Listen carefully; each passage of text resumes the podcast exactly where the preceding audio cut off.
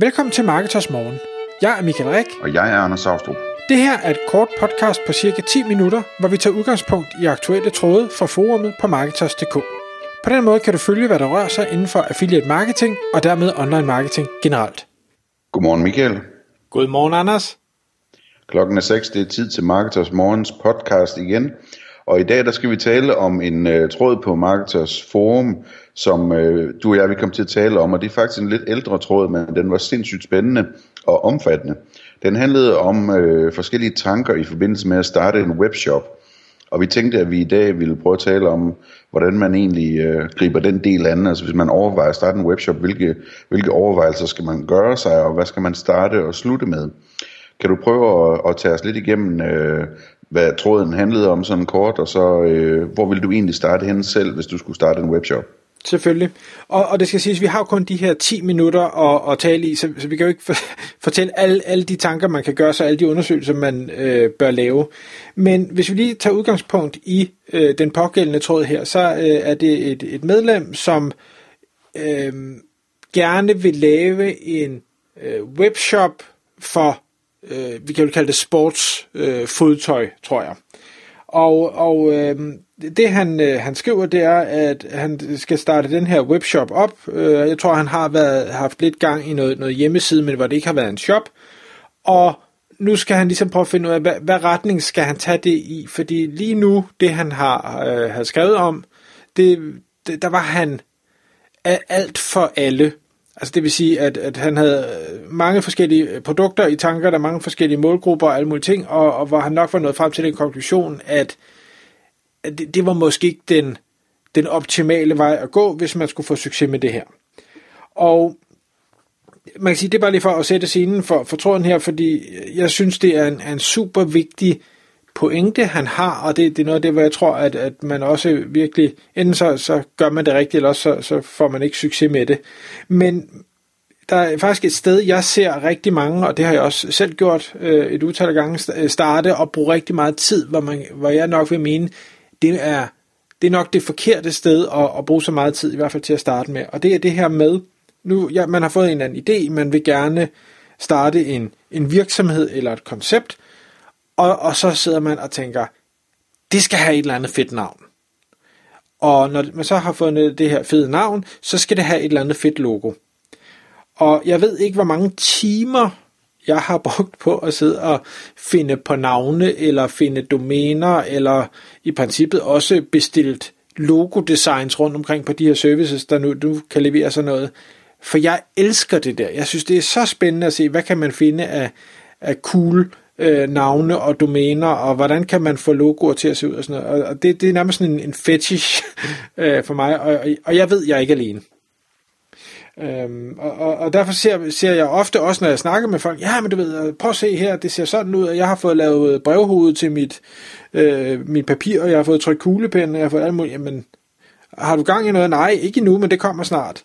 Øhm, og der er det, det han øh, hvad hedder det, er inde på at sige det her med, hvad er det, hvad er det jeg gerne vil sælge, øh, og hvem er det min hvad skal vi sige, min målgruppe skal være, hvad, hvad er konceptet, hvad er nichen, hvad er det, der skal gøre, at hvad kan vi sige, jeg har en berettigelse i markedet, og det ved jeg, det har vi snakket om i, i mange podcasts, det her med, øh, øh, jeg ved ikke, om man kan kalde det en USP, altså en Unique Selling Proposition, men hvorfor er det, at en kunde skal handle hos dig, kontra handle hos alle mulige andre?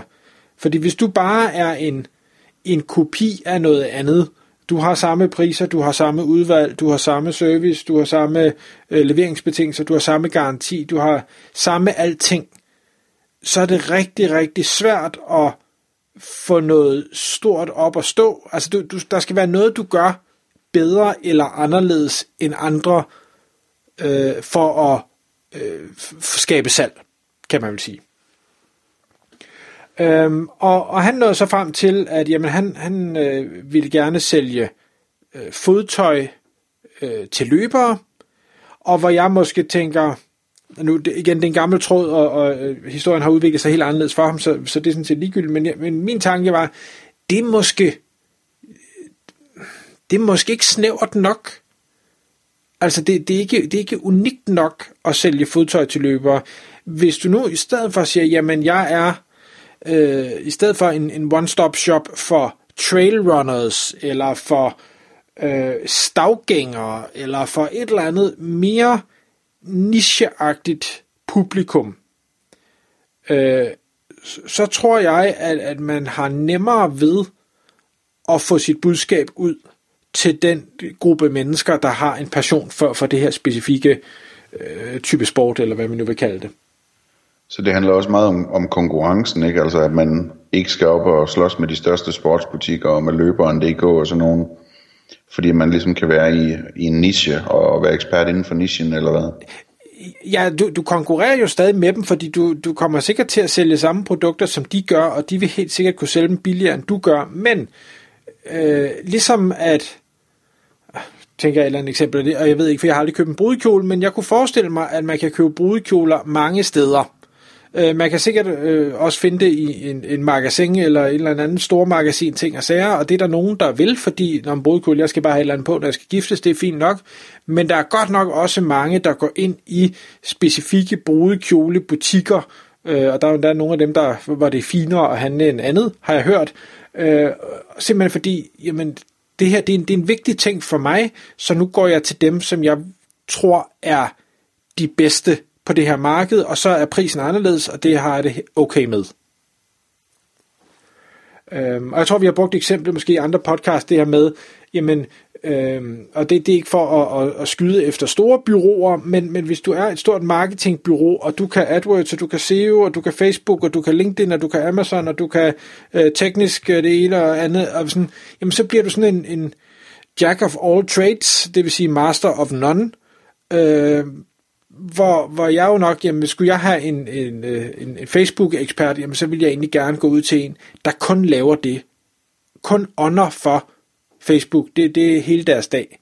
Fordi så bilder jeg mig ind, at de er dygtigere til det. Og det er slet ikke sikkert, det er rigtigt.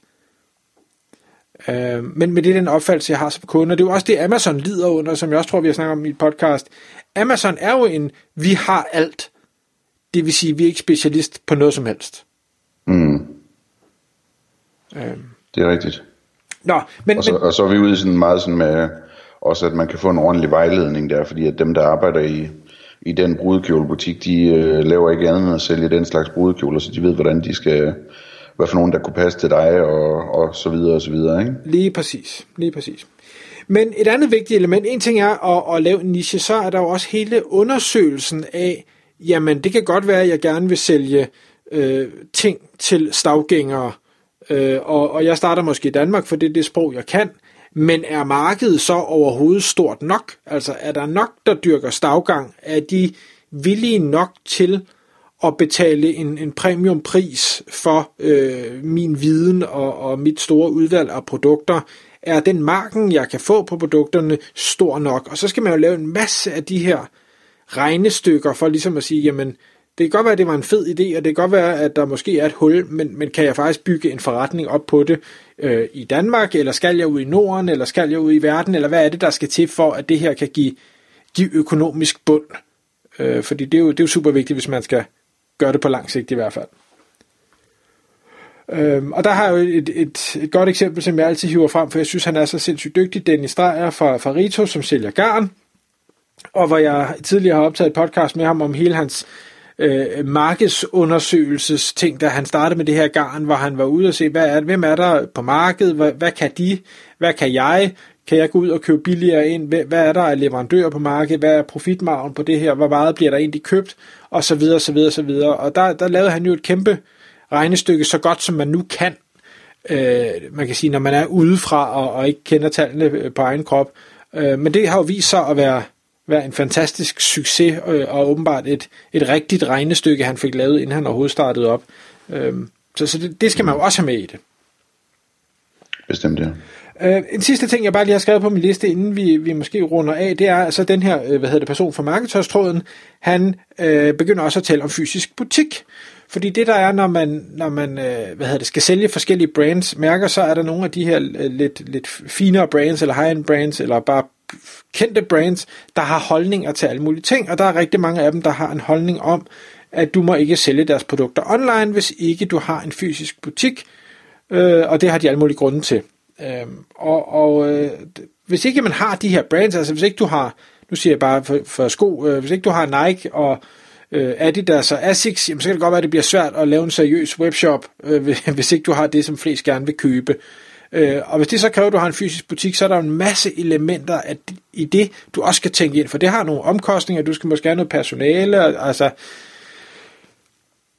det, det, det skal i hvert fald være med i tankerne, fordi en ting er, at de vil have fysiske butikker, men det er også sådan nogle brands, der ofte, selvom de jo ikke må, har helt klare holdninger til, hvad du må på pris siden, altså hvor meget rabat må du give, hvad må du sætte ned, hvad må du ikke sætte ned, hvilke produkter vil de vises ved siden af, øh, og så videre, og så videre, og så videre. Og det, det ved jeg også fra, fra dem, jeg nu hjælper i dag med, med fashion-tøj. Hold op, hvor kan der være meget bøvl i det.